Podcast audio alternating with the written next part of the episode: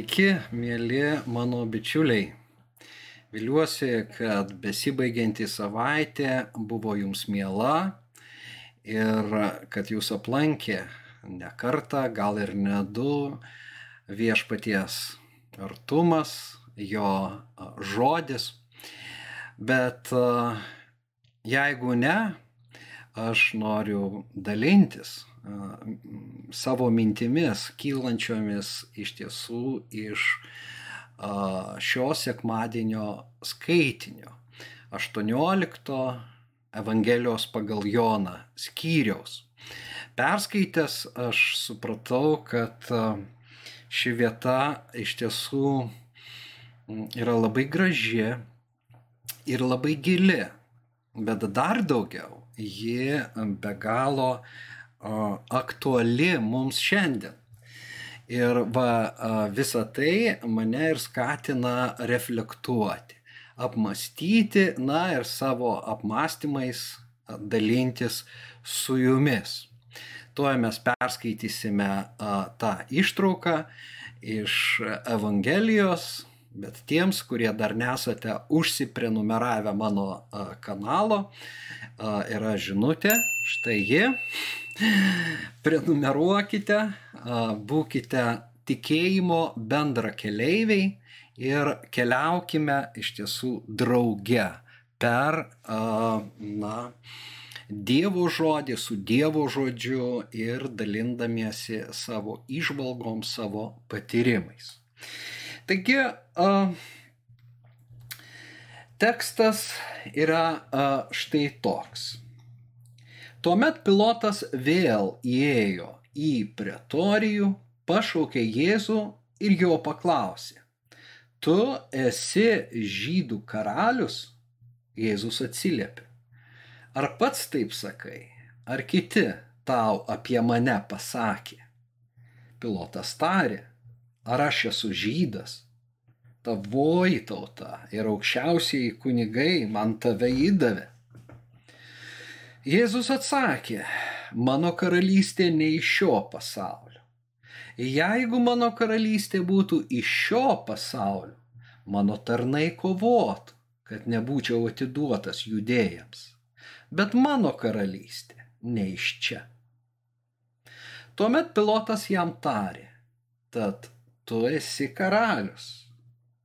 Jėzus atsakė, tu sakai, kad aš esu karalius. Aš gimiau ir atėjau į pasaulį dėl to, kad liudyčiau tiesą. Kiekvienas, kuriam tiesa brangi, klauso mano balso. Pilotas paklausė jo, kas yra tiesa. Na, iš tiesų, kaip gražu ir kaip gilu.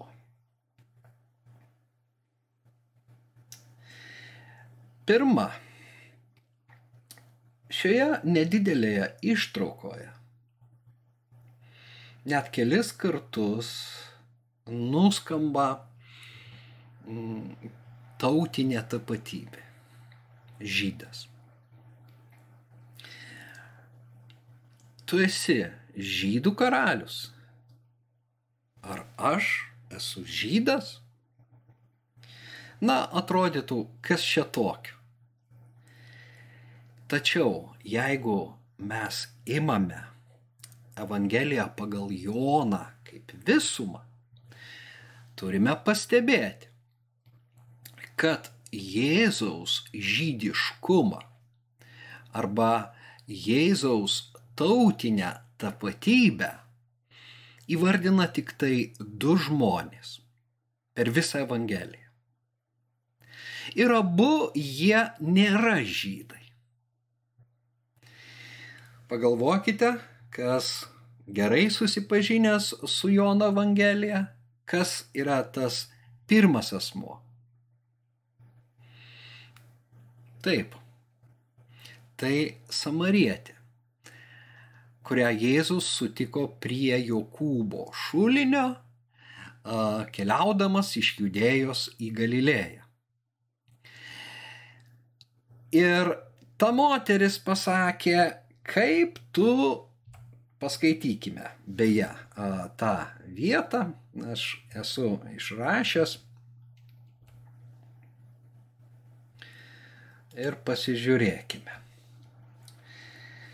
Taigi čia va šitas klausimas ir tada, na, kelios mintis. Samarietė moteris jam sako, kaip tu, būdamas žydas, prašai mane samarietę moterį gerti.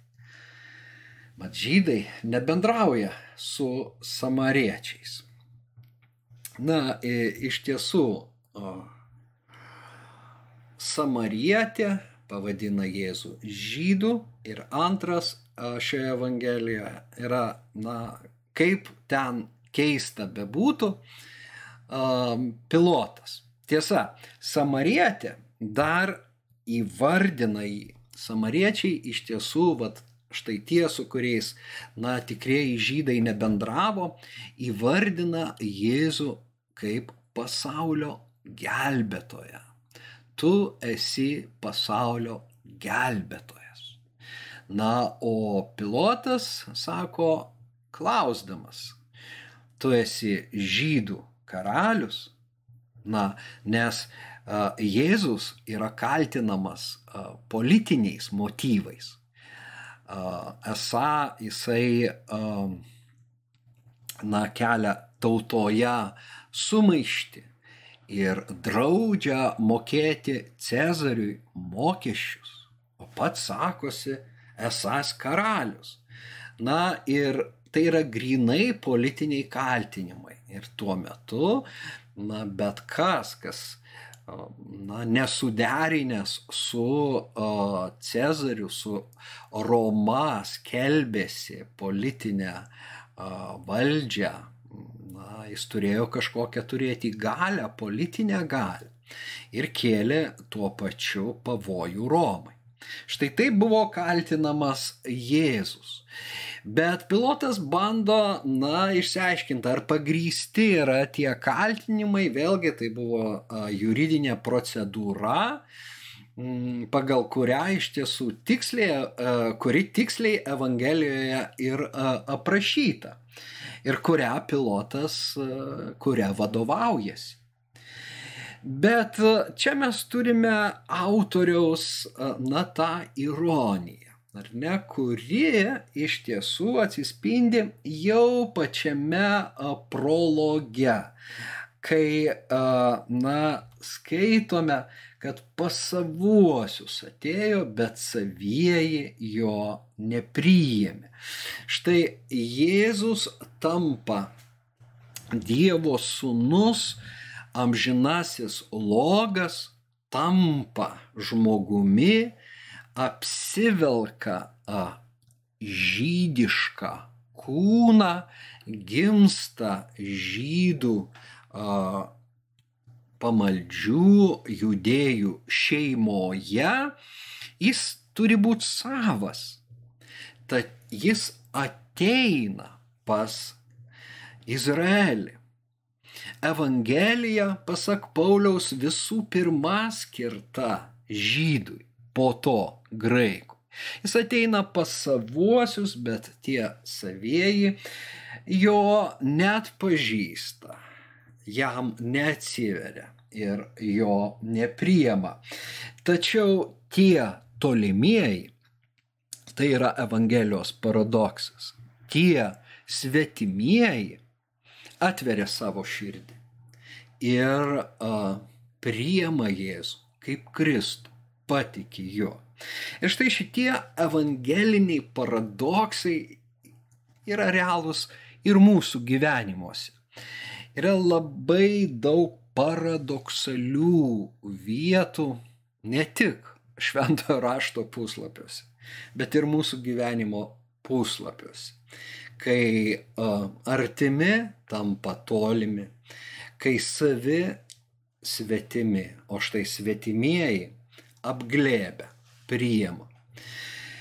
Na, kaip ten bebūtų, uh, jeigu mes skaitome šitą tekstą, negalim nepastebėti sekančio dalyko, kurį Jėzus įvardina štai taip. Mano karalystė ne iš šio pasaulio.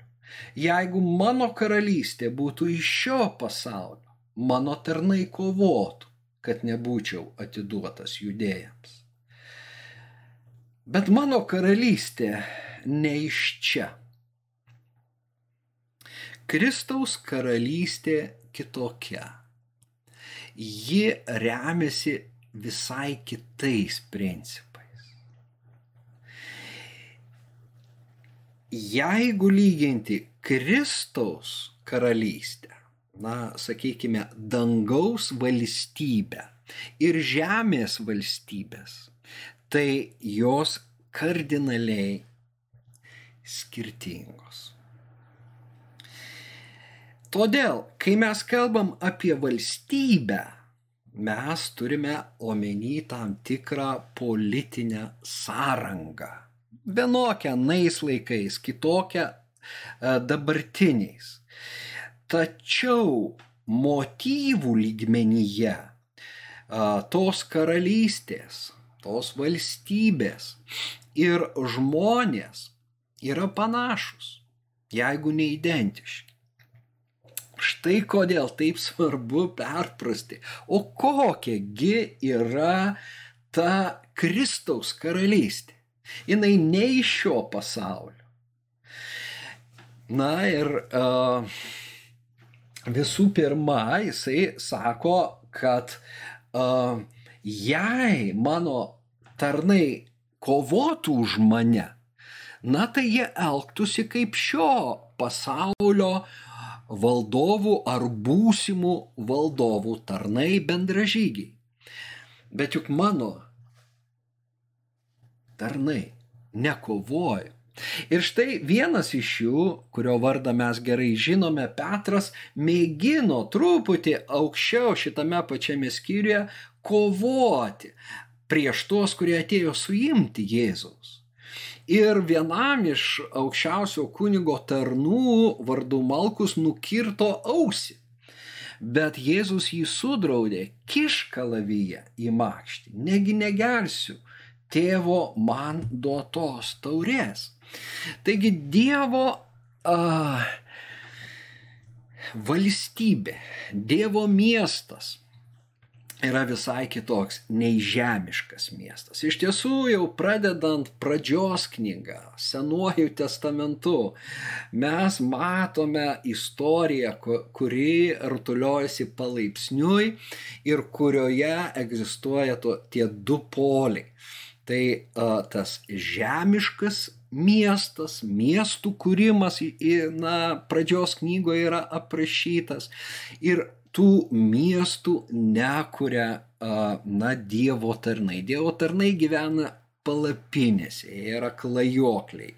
Jie yra, na, praeiviai šioje žemėje, jie nesijaučia tarsi gyventų namuose, nes jie laukia kito miesto, kitokio miesto, kitokios santvarkos tos, kurią savo širdį jau išgyveno. Ir tai pasakytina apie Abromą ir kitus patriarchus. Ir iš tiesų, na, šita tema savo kulminaciją pasiekia, na, Evangelijose, kai Jėzus pasako, kad ta Dievo lauktoji karalystė jau atėjo, jinai jau yra čia, bet jinai visai kitokia. Na, jis stovi čia ne prieš karalių, pilotas yra tik romėnų valdytojas, prižiūrintis, na, judėją, tą provinciją Romos.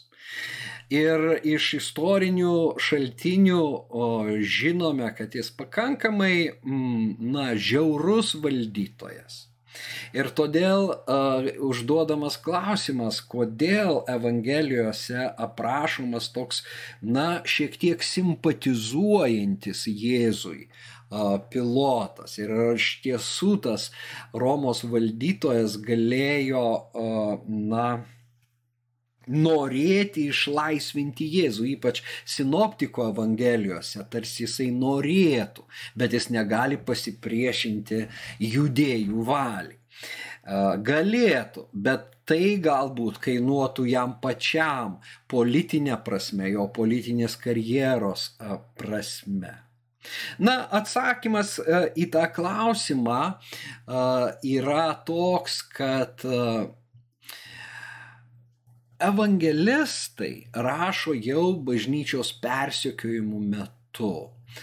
Ir iš tiesų tų ankstyvųjų persekiojimų, kurie kyla visų pirma iš judaizmo pusės, dar ne iš pagoniškos pusės, bet jau yra pakankamai persekiojami na, žydų. Ir paradoksaliai jie susiduria su ta situacija, kai, sakykime, metami iš,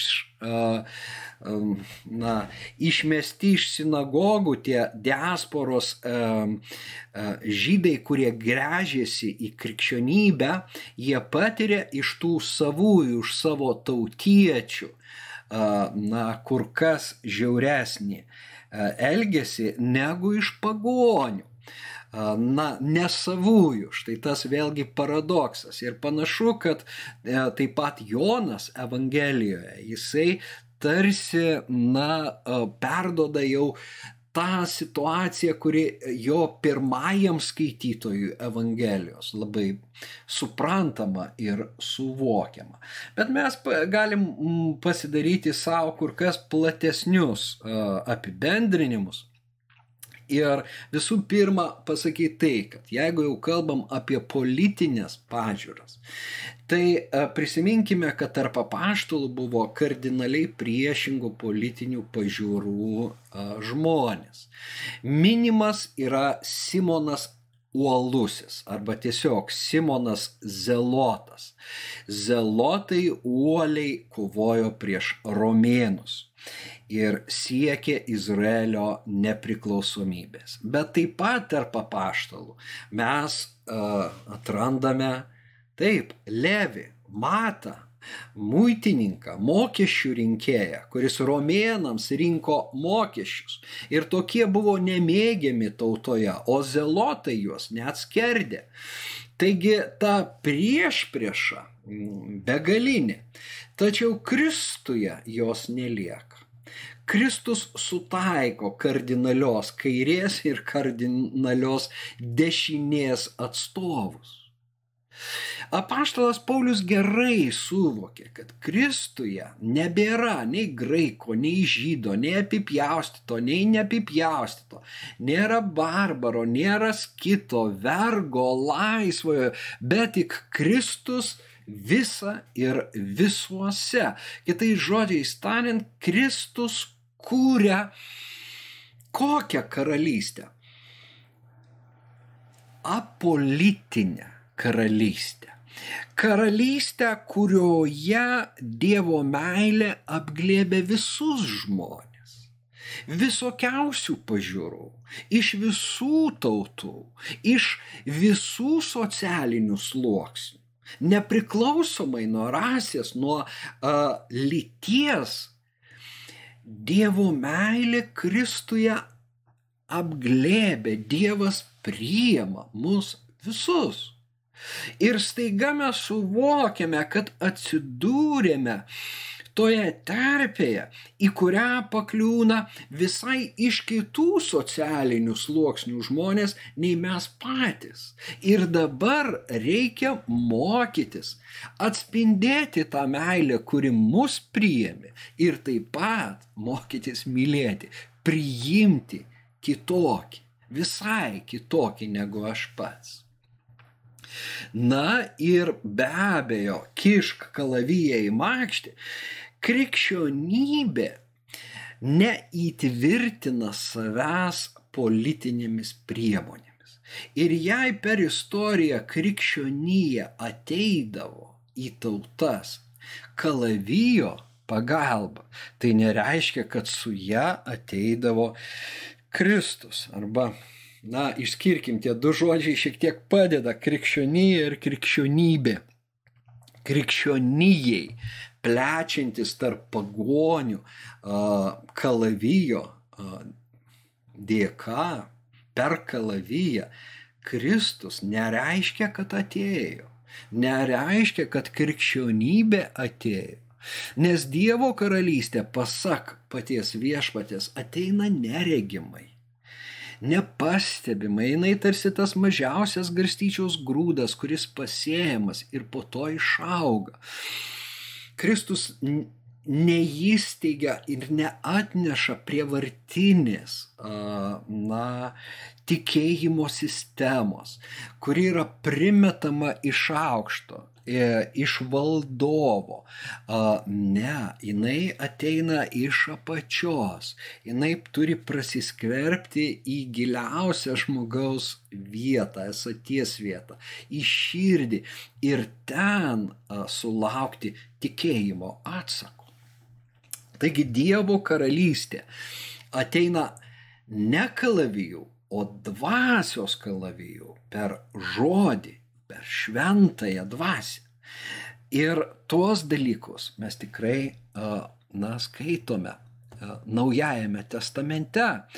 Ir turime, na, suvokti, kad ir šiandien Dievo karalystė ir Dievo žmonės neturėtų būti tapatinami su viena partija, išmetant visus jau į šiukšlyną ar net į pragarą kaip netinkamus, kurie turi kitas politinės pažiūros. Taip nėra. Kiekvienoje mm, partijoje atrasime Dievo vaikų, tikinčių Kristumi. Aš taip manau. Ir, na, sakykime, sovietiniais laikais, toje, na, netokioje senoje mūsų Lietuvoje, mūsų patirtyje, kažkur slaptai kai kurie komunistai tikėjo. Ir štai čia va, tas klausimas, vėlgi paradoksas.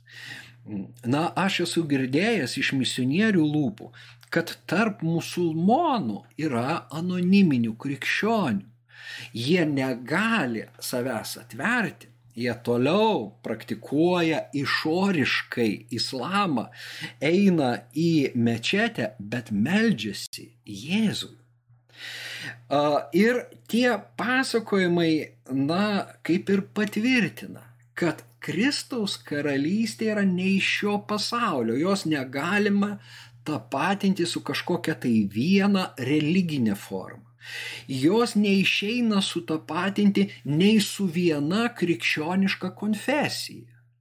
Kristaus karalystė ne iš šio pasaulio Ir toje karalystėje gyvena žmonės įvairiose tautose, įvairiose na, struktūrose, tiek politinėse, tiek religinėse.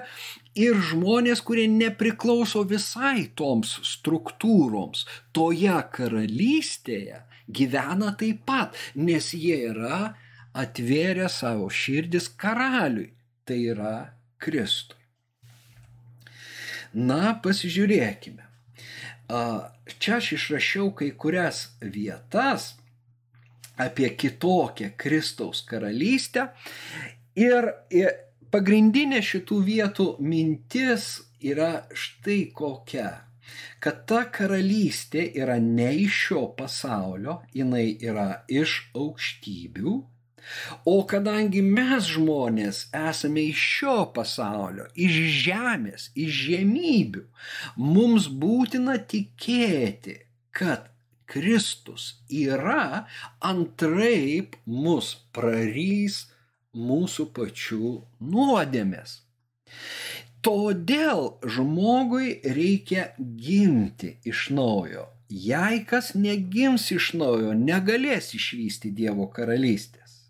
Nes kas gimė iš kūno yra kūnas, o kas gimė iš dvasios yra dvasia. Mes turime gimti iš naujo. Kaip gimti?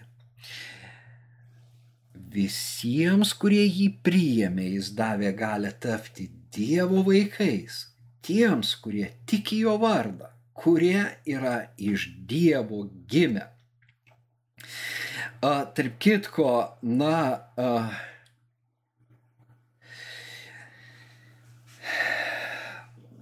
na, tebūnie, šitą aš mintį um, praleidžiu, bet um, tas patekimas į Dievo karalystę, Jono um,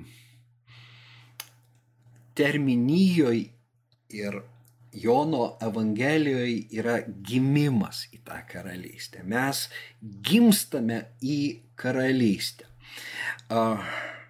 Mes tampame savais jam ne per kažkokį tai vėlgi jau minėtą, išvardintus bruožus, pagal minėtas charakteristikas, ne pagal tai mes tampame artimi Dievui ir patenkame į Dievo karalystę, bet gimdami iš dvasios. Mums reikalinga na, gimdanti Dievo jėga, kuri perkeistų mūsų širdį.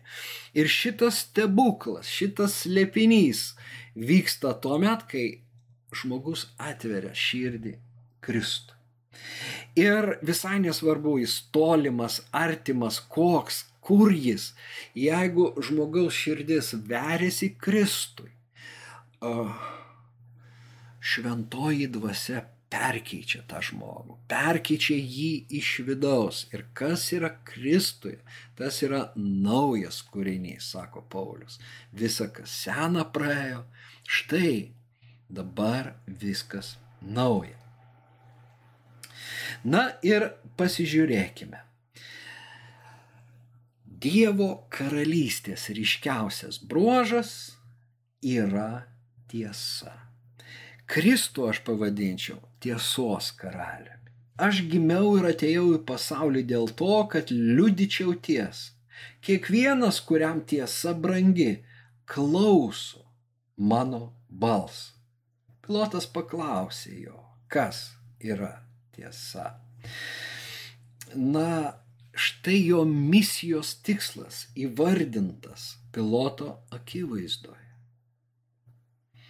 Dėl to atėjau. Dėl to gimiau ir atėjau, kad liudyčiau tiesą. Kiekvienas, kuriam tiesa brangi, klauso mano balso. Iš tiesų staiga iš to kaltinamojo Kristus tampa piloto mokytoju. Tarsi tiesdamas jam, na, tą pagalbos ranką atsiverti tiesai, pažinti tiesą. Kaip elito, romėnų elito atstovas, pilotas tikrai yra apsiskaitęs, išsilavinęs, skaitęs graikų filosofus, žino jų tiesos paieškas, žino ir prieštaravimus ieškant tiesos. Todėl jisai šituo klausimu, kas yra tiesa, tarsi nukerta gerai, nepereisime prie filosofijos, bet čia pat uh, Jonas rašo, kad išėjęs pas uh, judėjus jisai sako, nerandu jame jokios kalties. Politinio motyvo uh, apkaltinti šitą žmogų tikrai nėra, o filosofai uh, na, tie, kurie vaikščiodavo, suburdavo aplink save pasiekėjų grupelės, jie nekelia grėsmės Romos saugumų. Iš tiesų, pilotas supranta, kad čia daugiau yra, na, žydų, kad tai yra jų mm, vidiniai klausimai. Ir jis sako, jūs teiskitės, jūs teiskite pagal savo įstatymą, bet jie nori aukščiausios bausmės, mirties bausmės. Ir mirties bausmės jie patys negali įvykdyti pagal Romos teisę. Reikalingas romėnų atstovo valdytojo nuosprendis. Štai kokioj keblioj padėti yra a, pilotas. Bet Jono Evangelijoje tiesos motyvas atsikartoja. Ir tiesą sakant, jis vėlgi a, prologe, kaip toje Evangelijos užuomasgoje, a, skamba labai aiškiai. Na ir kitose vietose, pasižiūrėkime. Įstatymas duotas per Mozę, o malonė ir tiesa pasirodė per Jėzų Kristų. Ir tai uh, Jonas, na, kalbės, uh, plėtodamas savo evangelinį naratyvą. Tos žinomiausios vietos be abejo yra aš esu kelias, tiesa ir gyvenimas, sako Jėzus. Niekas nenueina pas tėvą kitaip kaip tik per mane. O žydams jisai sako, dabar jūs siekite nužudyti žmogų, pasakiusi jums tiesą, kurią išgirdau iš Dievo. Taip Abromas nedarė, nes jie labai didžiuojasi, kad jie yra Abromo vaikai, kad na, jie turi vieną tėvą Abromą. Ir kaip tu dabar menkini vėlgi mus, tą vat, mūsų tautinę tapatybę. Tai, ko nesuprato savieji, kad kalba eina apie kito ligmens karalystę, kito ligmens santvarką, į kurią jie yra kviečiami įeiti, įžengti per atsiverimą tiesai. O tiesa pas juos atėjo pilna malonės, nepilna teismo ir pasmerkimo bet pilna meilės, gailestingumo ir Dievo malonės ir ta tiesa galiausiai leidžiasi nukryžiuojama. Ta tiesa, na, leidžia save nukryžiuoti, būti pasmerktai. Štai kokia ta paradoksali tiesa. Jis nekovoja už save, nes yra tas, kuris tiesą visada prikelia. Tu tiesą gali nukryžiuoti, paminti, sumindžioti. Bet jinai prisikels. Na kaip ir meilė. Mūsų uh, tautos poetas yra sakęs, uh, meilė išėjo, uh, širdis išėjo pasivaikščioti. Berots penktadienį popietę ar kada aš čia uh, spontaniškai prisiminiau. Ir jisai prašo, tik nesumindykit širdies. Tik nesumindykit širdies. Tai uh, taip yra su Kristumi. Na, galim jį sumindyti, nes ta širdis, ta Dievo širdis leidžiasi sumindom. Tačiau yra tas, kuria, kuris tą širdį prikels trečią dieną. Taip ir tiesa, tai yra tiesa, Kristus yra tiesos karalius. Ir a, tu gali nužudyti, uždengti, paslėpti tiesą trumpam laikui. Jis visuomet prisikels. Todėl kur kas geriau tapti tiesos brangintojų, tiesos sergėtojų ir mokytis gyventi pagal tiesą. Nes sekanti tema yra jau susijusi su mumis tiesiogiai. Kiekvienas, kuriam tiesa brangiai klauso mano balso, Jėzus sako pilotui, kiekvienas, kuriam tiesa brangi klauso mano balso. Manosios avis girdi gerojo ganytojo balsą, jos seka paskui mane. Na ir e, judėjams jis e, sakydavo, jūs nesate manosios avis, jūs negalite ateiti pas mane, jūs netikite, jūs negirdite mano žodžių. Kodėl? Todėl, kad jiems tiesa nėra brangi. Tai va čia yra iš tiesų labai didelis įspėjimas kad jei mūsų gyvenimas yra toks, kad mes nebranginame tiesos, mes paminam sąžinę, paminam na, tiesą, mes uždengiam, mes iškreipiam tuos kelius. Ir Pats Kristus gali pasibelsti į mūsų duris, pats Kristus gali apsireikšti mums. Na, taip šiandien labai retai būna, daugiau tai yra per šventosios dvasios tą neįkyrų beldimąsi, bet mes jo neišvysime. Mes neišgirsime to uh, beldimosi, mes atstumsime jį. Jeigu nebranginame tiesos. Štai kodėl taip svarbus yra štai, na, šis dalykas. Tam, kad taptum tiesos vaiku, tau turi rūpėti tiesa. Ir žiūrėkime, Tai patvirtina, ką aš ką tik sakiau trečiame skyriuje užrašyti žodžiai. Juk kiekvienas, kuris elgesi nedorai, nekenčia šviesos ir neina į šviesą, įdant nebūtų atskleisti jo darbai. O kas pagal tiesą gyvena, eina į šviesą, įdant būtų matomi Dieve atlikti darbai. Jėzus kalbėjo jį įtikėjusiems judėjams, jeigu gyvensite mano žodėje, iš tiesų būsite mano mokiniai, pažinsite tiesą ir tiesa jūs išlaisvins. Kokiu būdu? Truputį toliau mokiniams jis aiškina, kad aš atsiųsiu kitą patarėją, tiesos dvasę Ir kai ateis toji tiesos dvasia, ji ves jūs į visą tiesą.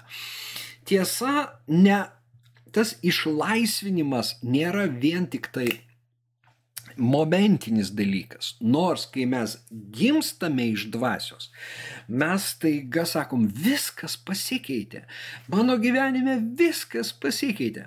Praeina kažkiek laiko, kažkiek metų ir staiga suvokiam, ne viskas pasikeitė. Nors tuo metu tas dvasios aplankimas atrodė kardinaliai pakeitė viską.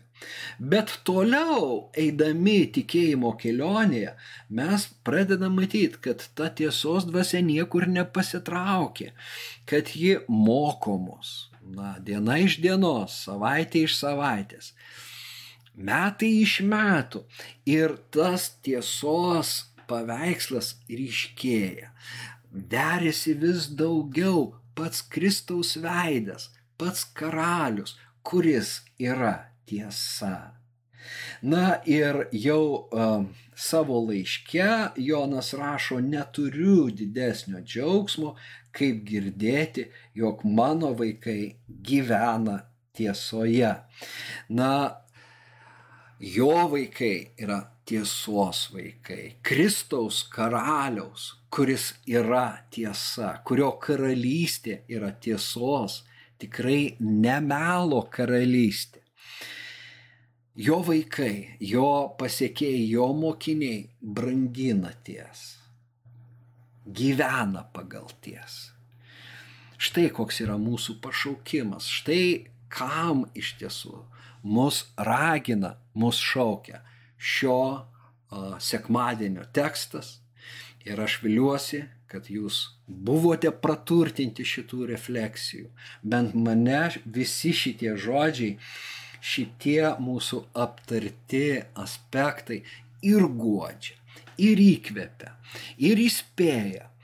Na ir uh, įžiebė begalinę meilę tam, kuris mirė dėl manęs kuris sumokėjo savo gyvybę, kad atvertų tokį gražų Dievo karalystės pasaulį, į kurį esu gimęs. Linkiu Jums Dievo artumo, taip pat Dievo džiaugsmo, na ir ieškokime keliaudami su Kristumi tiesos, branginkime ją vis labiau. Tikrai nepakleisime. Iki kitų kartų. Sudė.